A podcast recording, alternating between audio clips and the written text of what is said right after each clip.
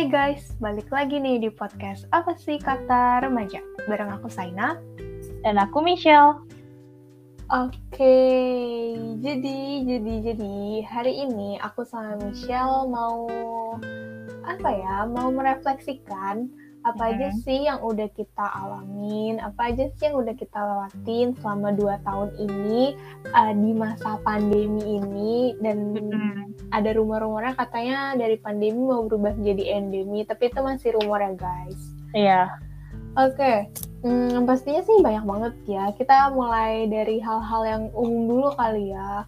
Mungkin dulu sebelum pandemi kita masih bebas berkeliaran ke mana-mana, jalan-jalan sama temen-temen, bisa dari pagi sampai malam ya, sampai mau tutup.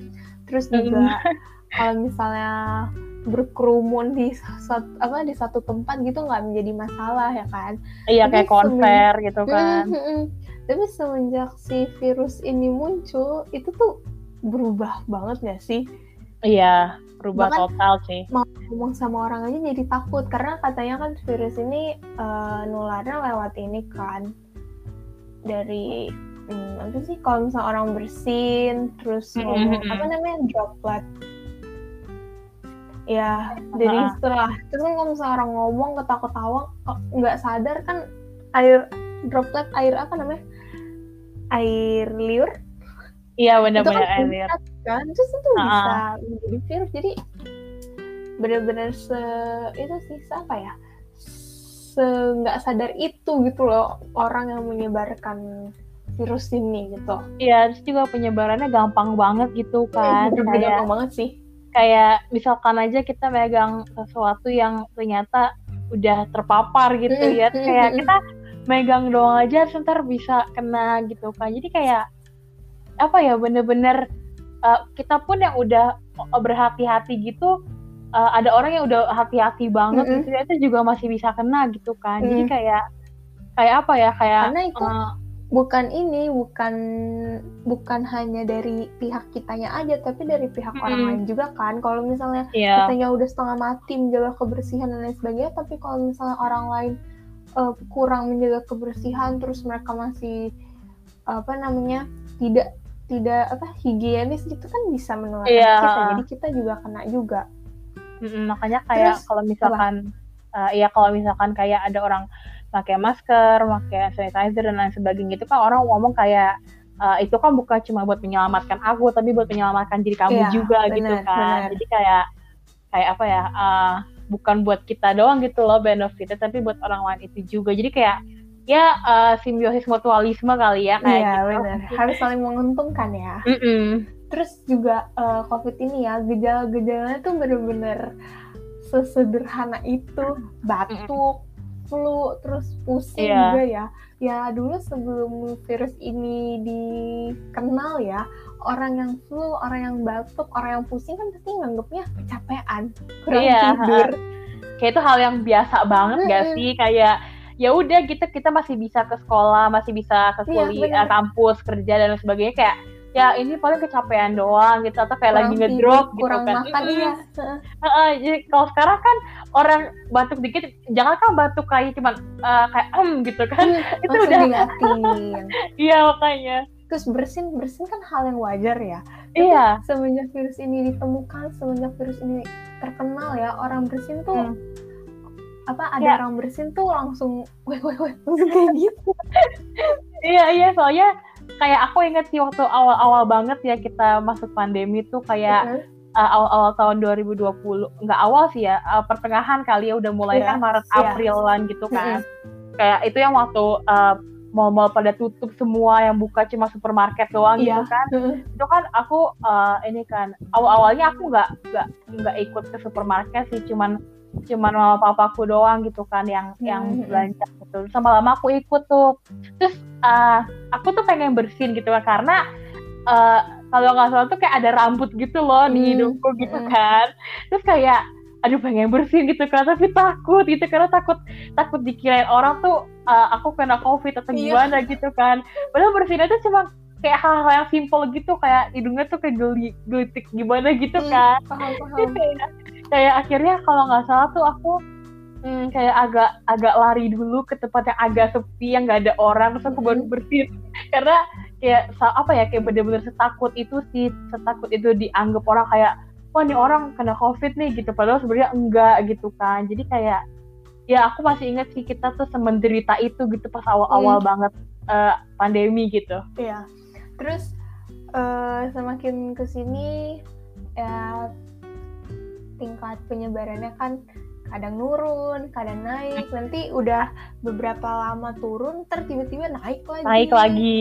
Orang ke, uh, kemarin itu kan sempat ada berita katanya pengaturan jarak di KRL sama MRT udah nggak ada kan jadi orang yeah, udah sebelah sebelah yeah, udah nggak ada social distancing hmm. physical distancing gitu kan terus terakhir banget terakhir banget itu aku hari ini tuh hari apa sih hari ini hari, hari Rabu. Rabu ya uh -uh. hari Senin atau hari Minggu aku sempat baca judul berita aku belum baca berita ya cuma lihat judulnya mm-hmm. doang katanya diberlakukan lagi di KRL tuh jaga jarak uh.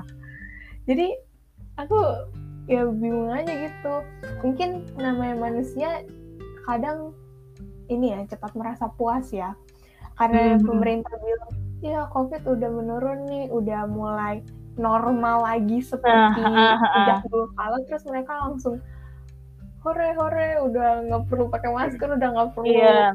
cuci tangan nggak perlu segala macam ntar tiba-tiba naik lagi jadi mm -hmm. terlalu ya kadang cepat merasa puas tuh nggak baik iya kadang kayak kalau peraturan itu dilonggarin gitu ya direnggangin orang-orang itu juga kayak lupa gitu loh kalau misalkan mm -hmm.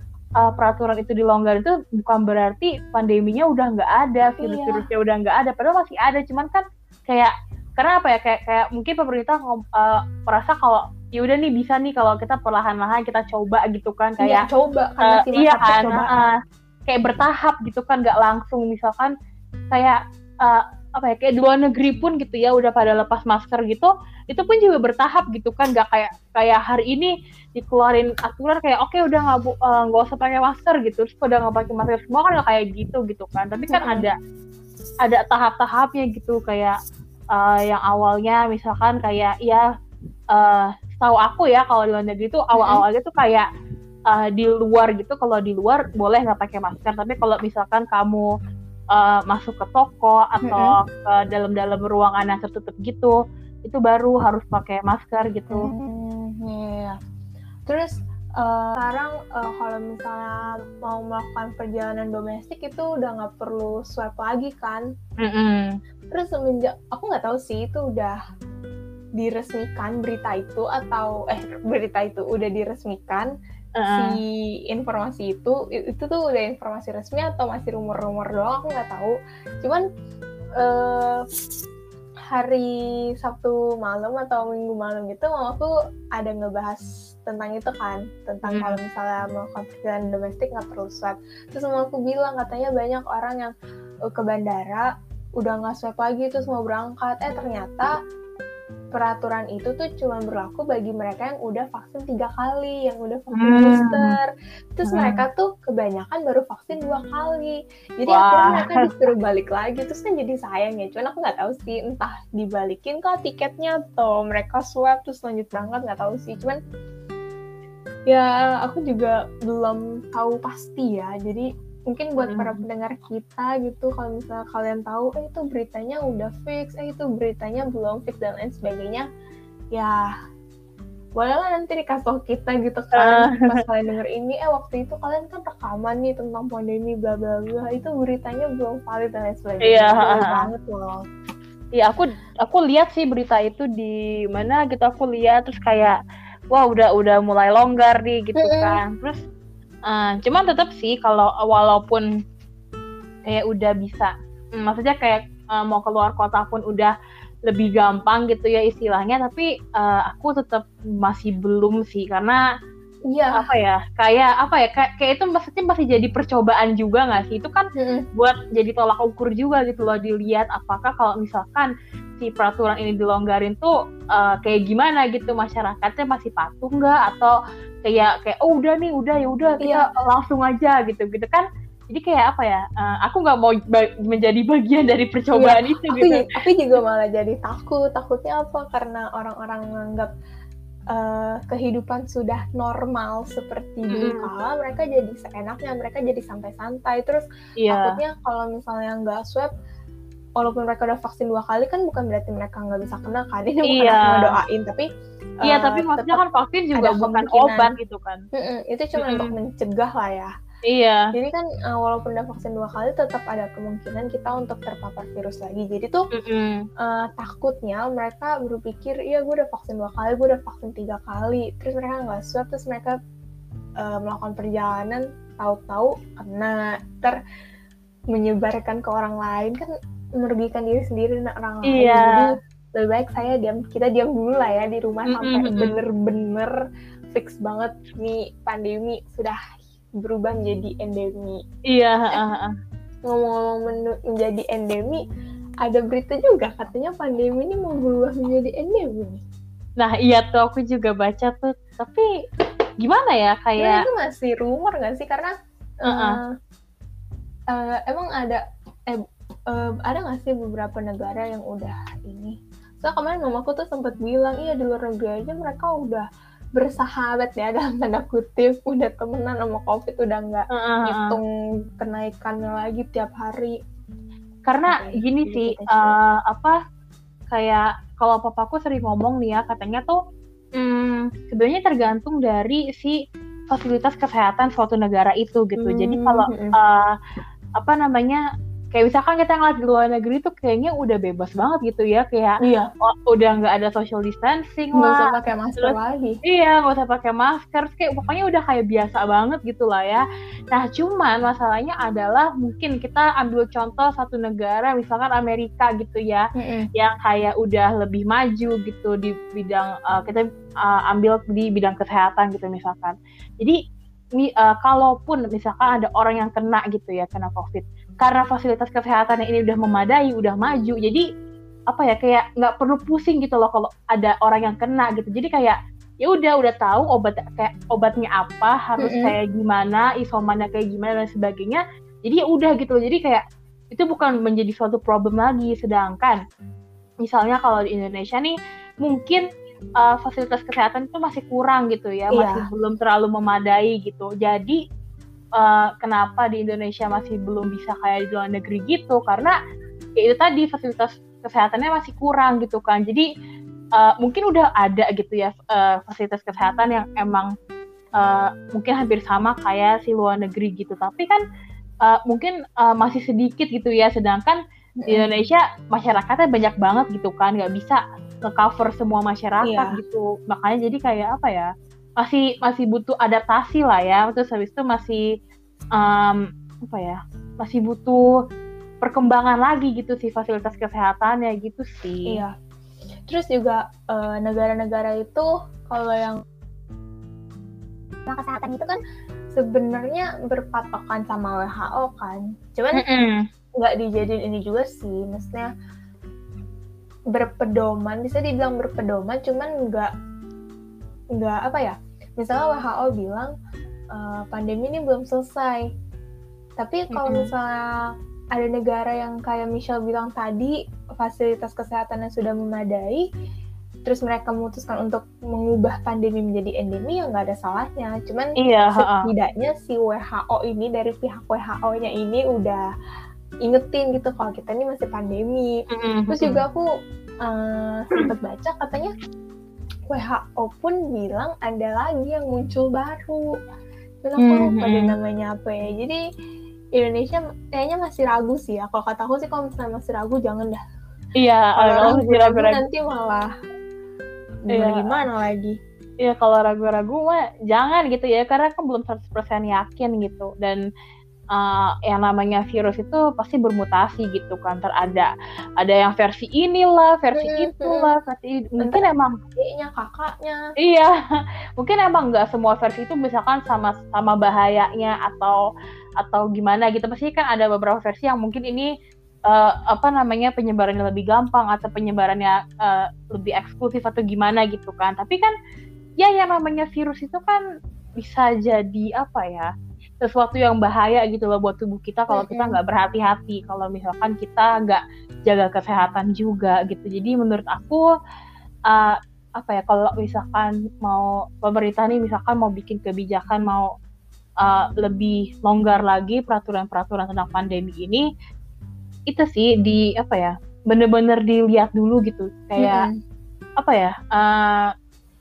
bahasanya tuh kayak ya diteliti dulu gitu loh yeah. kayak apakah si pandemi ini ada potensi untuk uh, apa ya jadi kayak uh, bahaya lagi kayak awal-awal mm, pas 2020 hmm, hmm, hmm. gitu kan mm. karena kan kalau kayak gitu kan bener-bener udah uh, total shutdown banget ya kayak semua mau tutup dan lain sebagainya yeah. gitu kan ya kalau misalkan nggak ada potensi kayak gitu mungkin ya uh, mungkin bakalan naik nih kasusnya tapi nggak bakalan separah dulu gitu ya mungkin oke okay lah bisa diambil kebijakan kayak gitu tapi kalau uh, masih ada potensi kayak kayak ini bakalan uh, bakal parah lagi atau bisa lebih parah lagi gitu. Gimana?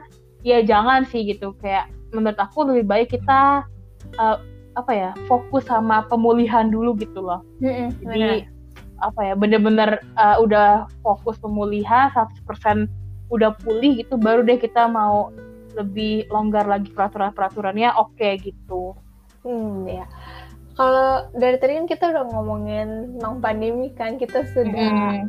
mm, mengingat-ingat kembali ya gimana sih awal mula pandemi itu. Maksudnya apa sih yang kita rasain? Nah sekarang kita sharing-sharing sedikit kali ya Shell. Kalau dari kamu sendiri apa sih yang bener-bener bikin kamu ngerasa wah hidup gue bener-bener berubah banget nih semenjak pandemi entah dari kebiasaan-kebiasaan yang kayak di awal tadi kita udah singgung ya yang tadinya apa namanya kalau misalnya berkerumun itu tidak begitu menjadi hmm, masalah mm -hmm. tapi semenjak muncul virus ini itu menjadi sesuatu yang harus dihindarkan. Atau mungkin ada hal-hal lain gitu yang bikin kamu wah gila sih. Gila sih gila sih gitu. Boleh dong diceritain sharing-sharing um, apa ya mungkin aku ngerasa semenjak pandemi itu apa ya mungkin kalau dari uh, yang banyak berubah itu menurut aku dari lifestyle ya dari kebiasaan-kebiasaan hmm, hmm. kita sehari-hari gitu uh, contohnya aja kayak uh, biasanya tuh aku hmm, setiap tahun itu ya setahun dua kali lah itu biasanya aku keluar kota gitu kan misalnya liburan sekolah gitu ya keluar hmm. kota gitu jalan-jalan terus semenjak pandemi itu aku udah dua tahun ini dua tahun belakang ini aku nggak ke mana-mana sih. Mau itu keluar kota yang jauh atau yang dekat kayak aku bener-bener nggak ke mana-mana gitu kan. Terus juga kalaupun pergi uh, itu perginya juga yang kayak deket-deket gitu kan. Jadi kayak hmm. ya apa uh, itu pun juga kayak buat refreshing doang sih. Kayak ke mall gitu-gitu lah ya biasa gitu kan. Uh, cuma kalau ya kayak liburan atau staycation atau apalah gitu itu belum sih. Karena masih ya masih uh, apa ya masih takut juga. Yeah. terus terus juga uh, ya yang paling mendasar ya kayak keadaan ekonomi juga masih susah gitu kan. Dan yeah. aku juga juga udah mulai masuk kuliah. Jadi udah mulai banyak lagi pengeluarannya. Terus juga udah mulai sibuk lagi. Jadi kayak udah nggak uh, belum bisa jalan-jalan yang apa staycation dan lain sebagainya. Terus hmm, menurut aku yang berubah lagi itu adalah tentang kebersihan sih jadi lebih hmm. perhatiin kebersihan hmm. banget karena gini ya. Mm, mm, mm, karena biasanya dulu kalau misalkan aku abis jalan-jalan gitu yang kayak ke mall gitu kadang aku malam-malamnya tuh nggak mandi gitu loh karena kayak udah kemalaman terus kayak oh, udah malas udah capek gitu kan jadi kayak misalkan paginya baru mandi gitu yeah. Paling malam-malamnya kayak cuma cuci kaki cuci muka gitu, -gitu doang kan. Nah cuman semenjak pandemi ini mau semalam apa pun aku sampai rumah mau secapek apa pun gitu aku tetap bakalan mandi gitu loh. Jadi kayak apa ya uh, lebih buat precaution aja gitu kan uh, buat ya apa ya kayak ya berhati-hati gitu lah ya supaya nggak uh, nggak kena gitu kan. Terus habis itu juga buat jaga kebersihan gitu. Jadi ya yang paling mendasar itu sih dari dari yang uh, apa liburan sama yang tentang kebersihan. Itu yang menurut aku paling paling berubah banget sih. Hmm ya kalau misalnya dari aku juga nggak beda jauh sih sama Michelle. Bahkan sama sih ya.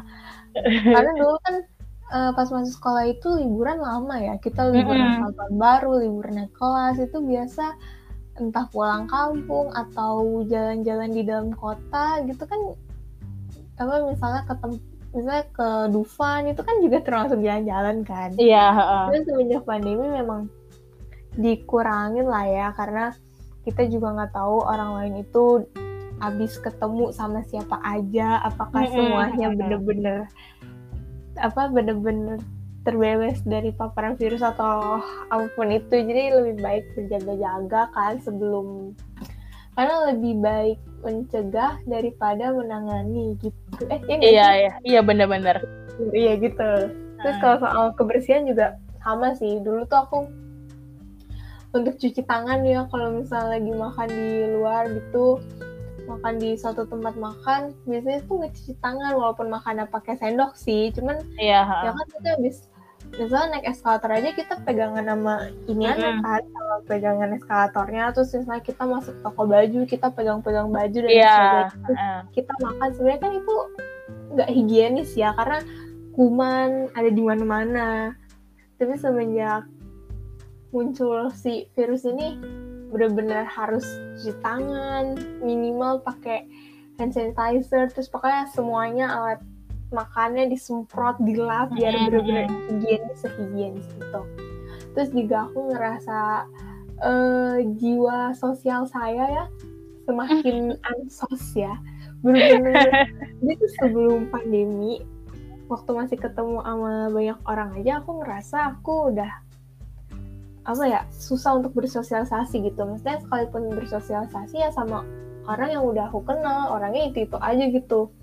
Mm-mm. Terus semakin ke sini di rumah nggak ketemu orang cuman sekedar ketemu lewat laptop doang. Makin ansos lagi saya makin susah lagi bersosialisasi. Jadi malah jadi takut sama orang. Iya, iya, iya. pandemi bikin ini juga ya.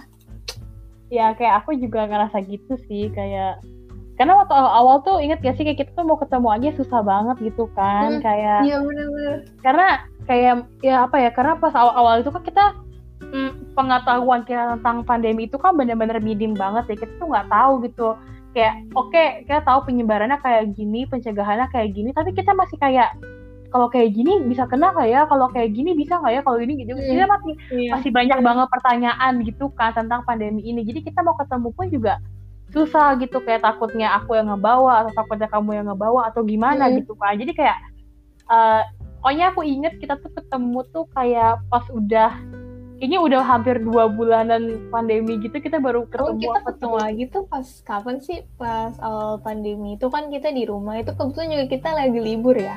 Libur karena kelas 12 lagi ujian. Iya, ternyata liburnya lama. Hampir lulus. Berawal dari dua minggu jadi berbulan-bulan. apa? Ya Yang tuh pernah ketemu. Pas ini apa namanya eh, kalau nggak salah April ah, Mei atau ah, soalnya aku ingat aku waktu itu eh, datang aku ketemu kamu kok apa aku kapan lupa ya ngapa ada Ya, kalau- kamu ulang tahun waktu itu? Kita Iya, sebelum. ketemu. iya udah sempat ketemu. Oh, lupa sih. Aku coba bentar sih kayak kita kalau aku tuh inget aku cuman bawain kamu makanan terus oh udah sih itu. gitu doang iya ah. Iya, iya, aku inget, inget, inget, inget, inget. Iya, waktu itu Insyal nyamperin aku, terus dia bawain makanan, foto. Aduh, waktu itu kita sempat foto iya ya sebelum, sebelum pandemi di GI kalau nggak salah ya. Atau di mana ya? Pokoknya di tempat iya di situ deh lupa Habis itu, iya, itu terus fotonya masih di Michelle kan, karena kita mau gunting biar uh, sama-sama dapet. Terus Hmm. Michelle nyamperin aku, dia kasih makanan, terus ada si boba juga sama foto. nah Terus iya ah. Jadi itu pertama kali kita ketemu di masa pandemi. pandemi ah, ah. Terus itu uh, Michelle ulang tahun kita sempat ketemu lagi kan ngerayain ulang tahunnya Michelle. Mm-mm. Habis itu udah deh nggak ketemu lagi ya sampai enam bulan ya sih? eh mana sih Apa sempat Kayak- ketemu lagi ya? Soalnya aku ngerasa abis yang kamu ulang tahun itu kita belum ada ketemu lagi sampai ketemu lagi pas kamu lagi mau pindahan. Enggak dong, kita habis itu ketemuan lagi pas uh, kita mau ngembaliin buku tuh pas udah Oh, mau udah iya, selesai ujian-ujian. Wah. iya ya, ya. Kasihan sekolah terlupakan. ya yeah. bener-bener masih ada ketemu lah masih foto buku tahunan dan lain sebagainya ya bener-bener mm-hmm. hmm, ya kan? Jadi kan? kita masih menyempatkan waktu untuk bertemu gitu ya. Keren mm-hmm. juga kita. Terus uh, dengan adanya pandemi ini dengan berubahnya kebiasaan-kebiasaan kita tuh pasti kita stres ya kan? Iya uh, bener banget. Depresi. Ada yang sampai depresi banget sampai bener-bener se mungkin uh, dulu dia tipe orang yang setiap hari hangout sama temen-temennya mm-hmm. atau ya intinya keluar rumah lah terus tiba-tiba pandemi muncul disuruh diem di rumah ya mungkin dia stres juga ya nggak tahu mau ngapain ya karena ya mungkin kebahagiaan dia bersama teman-temannya tapi mm-hmm. karena dipaksa untuk mengurung diri di rumah kan jadinya nggak bisa ketemu siapa-siapa ya kan mm-hmm. Ngomong-ngomong stres, depresi, eh bukan depresi sih, stres lah ya. Iya. Stres itu kamu pernah dengar tentang pranic healing gak sih? Uh, pernah sih per, uh, pernah dengar sih pernah, tapi kayak aku hmm, apa ya kayak tahu dikit lah ya tentang mm. si hmm? pranic healing ini gitu. Kayak um, pokoknya intinya kayak dia tuh kayak buat kayak metode penyembuhan gitu kan, tapi kayak nggak mm. pakai obat atau nggak pakai apa sih kayak nggak pakai obat tapi kayak ya apa ini ya, kayak sembuhannya dari dalam diri ya iya uh, iya kayak gitu hmm, aku juga baru per, baru tahu sih bahkan baru tahu nih pranic healing yang hmm. katanya uh, terapi menenangkan untuk tubuh sehat luar dalam gitu karena kan biasanya kalau misalnya misalnya kita luka nih terus luka eh salah misalnya kita lagi jatuh terus luka berdarah uh. itu kan uh, ini kan ada bekasnya biasanya terus nanti kalau misalnya mm. bekasnya sembuh ya udah berarti itu cuman luarnya doang. Eh salah ya? Itu kalau luka dalam deh. Kalau misalnya orang luka dalam dari luarnya nggak kelihatan luka tapi di dalamnya luka gitu. Uh, ya jadi kalau luka dalam luarnya doang yang kelihatan sembuh padahal dalamnya belum gitu gak sih? Mm, nah si nah ya, kalau gitu. si healing ini tuh ya menyehatkan tubuh luar dalam gitu ya. Jadi mm-hmm. luar dalam sangat sehat gitu ya. Iya intinya kayak dia tuh cuma teknik-teknik aja sih. Jadi kayak ya ini kita nggak perlu obat atau misalkan ke dokter apa gimana gitu. Intinya hmm, kayak dia tuh berfokus sama kayak energi positif gitu di dalam tubuh hmm. kita gitu jadi kayak supaya intinya kayak kita di, eh, dikasih positif mindset gitu lah ya supaya yeah. kita tuh kayak kayak percaya gitu oh aku bakalan sembuh nih tanpa harus pakai obat dan lain sebagainya gitu kalau kalau menurut aku sih lebih kayak manifestation gitu ya jadi kayak kita hmm. meng apa ya mengharapkan supaya kita mendapatkan sesuatu itu sama aja kayak gini gitu kan kita percaya berharap kalau misalkan kita bakalan sembuh gitu tanpa harus uh, obat ada ada obat atau atau uh, perawatan perawatan dari dokter dan lain sebagainya gitu. Hmm. Nah si pranic healing itu awalnya ditemukan oleh grandmaster namanya ini kalau misalnya kalian ada yang tahu penyebutan aslinya terus aku salah menyebutkan mohon dimaafkan ya guys. Pranic healing ini ditemukan oleh Grandmaster bernama Koa Kok Sui dan lahir di Filipina tanggal 15 Agustus 1952. Nah, dia ini menjadi yogi. Yogi hmm. itu sebutan untuk orang yang mendalami yoga. Ini sih ya. Yeah. Orang yang mendalami yoga disebut yogi. Nah, hmm. terus dia uh, menjadi yogi itu saat remaja dan selama berpuluh-puluh tahun setelahnya terus menyebarkan pengetahuannya tentang penyembuhan. Nah, kalau yoga hmm. ini kan uh, ini ya sama kayak meditasi gak sih? Butuh yeah. ketenangan. Jadi tuh tenangnya tuh bukan cuman tubuhnya, eh bukan cuman luarnya aja yang sehat, tapi di dalamnya tuh jiwanya tuh juga tenang, sehat gitu loh. Nah, uh, ini ya kadang tuh orang suka bingung ya apa sih bedanya yoga sama meditasi gitu ya kayak karena kan sebenarnya mirip-mirip gitu ya ya diem-diem uh, gitu kan. Uh, kan tapi kalau menurut aku ya uh, aku pernah yoga juga kan uh, hmm. sekitar setahun setengah gitu lah ya ikut hmm. kelas yoga gitu terus uh, yang aku rasain gitu ya dan aku juga ya beberapa kali pernah meditasi gitu kan kalau jadi gini bedanya tuh meditasi tuh lebih kayak kita tuh yang diem aja yang kayak uh, fokusnya sama ya? per, ya pikiran sama pernafasan kita gitu jadi gimana hmm. caranya kita menenangkan diri kita dan uh, organ-organ tubuh di dalam diri kita pakai pernafasan ini kita fokus sama pernafasan kita sama inhale, inhale exhale-nya gitu yeah. nah uh, ya biasanya tuh meditasi itu pakai musik gitu kan musik-musik yang model-model iya, iya, apa instrumental gitu-gitu gitu ya. Pokoknya yang bikin uh, ada calming efeknya gitulah.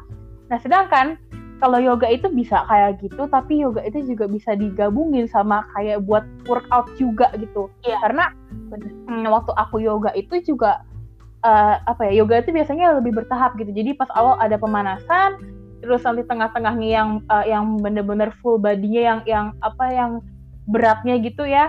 Terus nanti yang akhirnya ada yang uh, pendinginannya gitu. Uh, nah, ketiganya seru banget sih.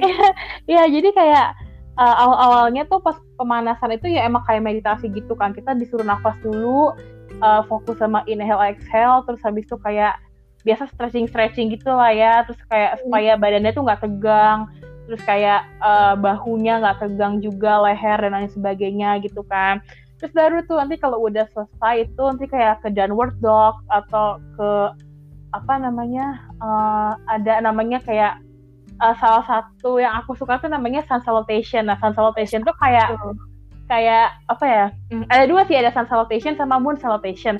Kalau sun itu kita kayak mengikuti pergerakan matahari gitu loh. Hmm. jadi kayak pokoknya ada lah gaya gitu uh, ada kayak jadi kita pertama kayak berdiri terus habis itu kayak uh, ngangkat tangan ke atas nanti kayak uh, kayak ini ya? di avatar ya? Avatar si ya? Eng itu. Kan ya mungkin kali ya. Ya intinya kan yang dia air udara itu dia gue yang gerakin tangan nah gitu. dia kayak kayak gitu kayak itu juga bisa jadi kayak meditasi atau yoga gitu kan. Jadi ini sama kayak ya hampir mirip kayak gitu lah ya. Cuma kayak ada gaya-gaya yang lain lagi gitu. Kayak plank habis itu digabung sama plank juga gitu kan. Jadi kalau kalian kepo kayak gimana coba aja search gitu ya sun salutation moon salutation gimana. Jadi kayak hmm, terus habis itu uh, apa lagi ya? Kayak ya pokoknya yang berat-berat itulah yang itu apa ya kayak bisa mm, nggak mm, hanya ada calming effect di dalam tubuh kita tapi juga bisa uh, apa flexibility gitu. Kan itu jadi yeah. fleksibel terus jadi lebih kuat gitu kan. Terus habis itu juga uh, belajar split belajar uh, jadi lentur iya terus kayak aku sempat bisa split sih. Terus habis itu sekarang udah udah kaku lagi kayaknya. Tapi pasti kalau udah pernah bisa waktu itu terus tinggal dilatih lagi dikit-dikit bisa lagi lah. Uh, karena kalau pokoknya dia kalau udah bisa itu uh -uh. Uh, apa ya kenapa tiba-tiba nggak bisa itu sebenarnya bukannya karena lupa caranya atau gimana cuman kayak karena udah lama nggak dilatih jadi badannya nggak fleksibel lagi gitu kan. Jadi kayak yang kita perlu latih itu bukan gayanya tapi fleksibilitas uh, fleksibilitas kitanya gitu loh. Jadi uh, kita mengatur tubuh kita supaya kita fleksibel lagi. Nanti kalau udah fleksibel ya udah bisa gitu. Kayak kita mau split kayak atau mau uh, kayang atau lain sebagainya gitu pasti hmm. bisa gitu sih. Nah kalau pranic healing ini jadi tuh metode ini tuh dianggap tubuh kita bisa menyembuhkan diri sendiri. Gimana tuh? Keren nggak tuh? Jadi kalian yeah. kalian tenangin diri kalian tuh tiba-tiba sembuh. Ya tapi nggak nggak nggak sembuh saat itu juga langsung sembuh gitu sih. yeah. itu mah itu magic banget ya. Jadi katanya kita tuh mengontrol energi positif yang ada di dalam tubuh kita supaya energi positifnya tuh bertambah. Terus hmm. uh, menghilangkan energi-energi negatif gitu ya jadinya tuh penyakit-penyakit sakit apa pun itu tuh hilang karena kan sakit itu kan uh, bisa dimaknai sebagai sesuatu yang negatif ya. Jadi yeah. uh. ibarat kata itu energi-energi negatif tuh penyakit-penyakit itu di hus-hus sana gitu. Uh, Dan terus ini tuh betul ya.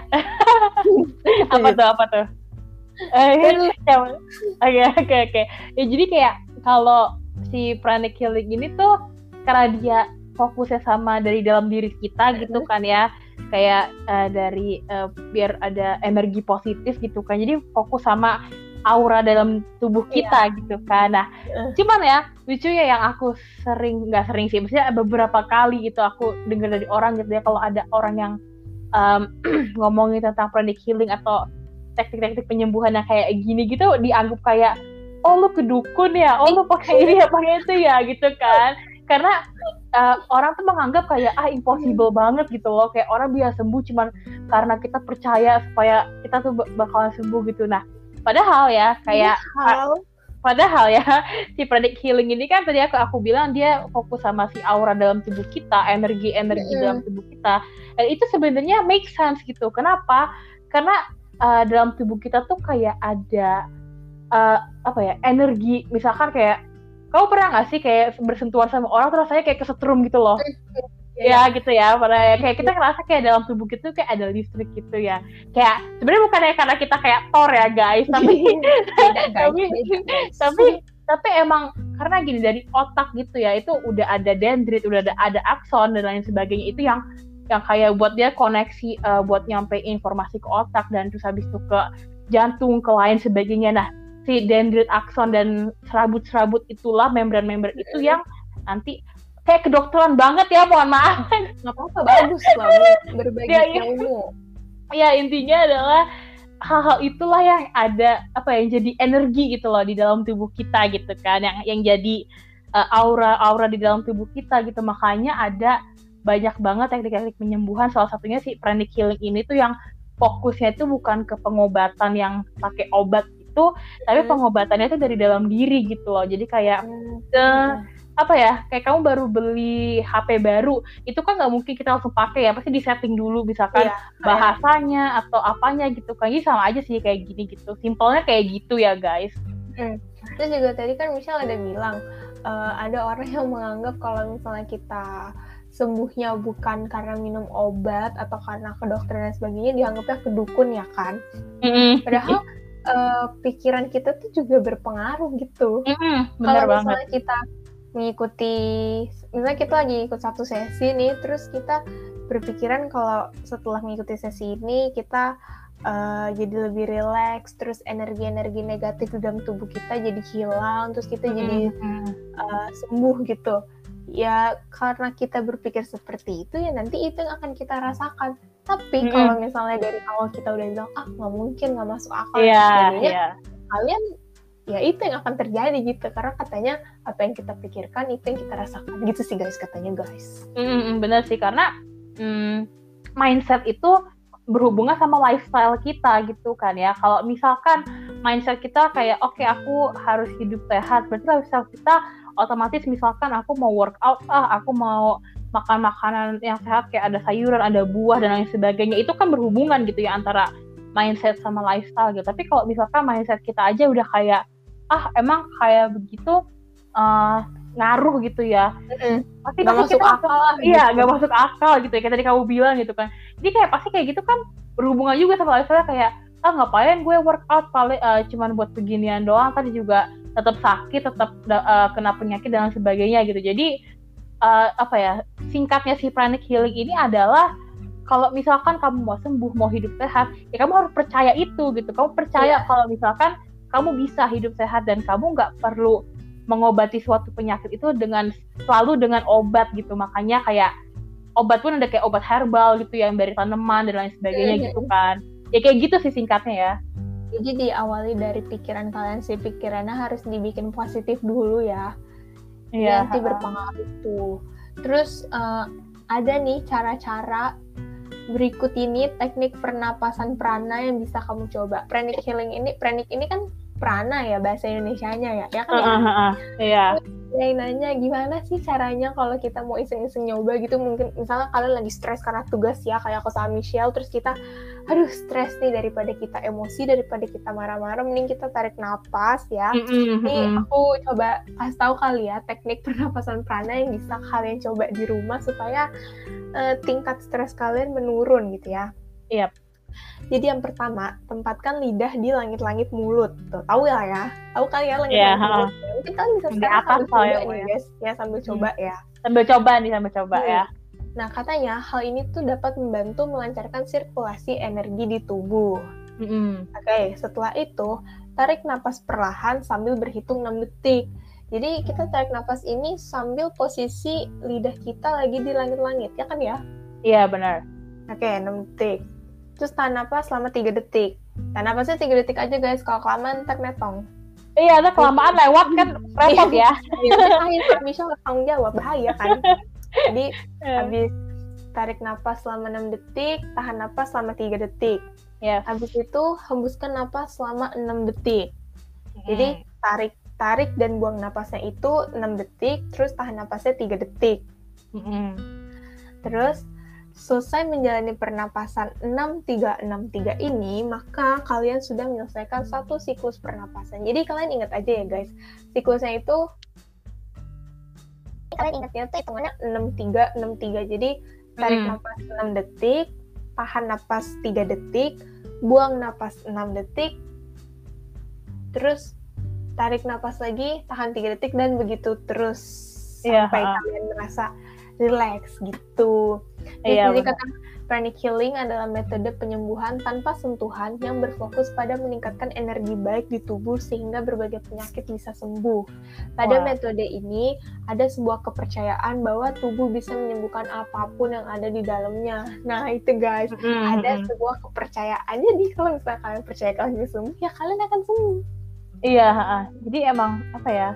Ya itulah tadi makanya aku bilang uh, ada mindsetnya juga gitu ya, mindset yang Mm-mm. positif bakalan ada lifestyle yang positif juga gitu dan kalaupun ya, kalaupun misalkan kalian ngerasa si panic healing ini ah emang efektif apa gitu kan ya, ya tapi tetap aja kalian juga harus mempunyai mindset yang positif gitu kalau kal- uh, Iya. apa ya bisa percaya kalau misalkan ya uh, ada penyakit bisa sembuh gitu, bisa hidup sehat tanpa harus ada obat-obatan dan lain sebagainya gitu kan. Jadi ya uh, terlepas dari apakah pranic healing ini bekerja atau enggak, itu juga tergantung dari kalian gitu. Apakah betul. kalian berkontribusi gitu untuk keberhasilan si pranic healing ini gitu kan. Jadi kayak ya itu semua balik lagi ke kalian gitu sih. Betul. Oke deh kalau gitu.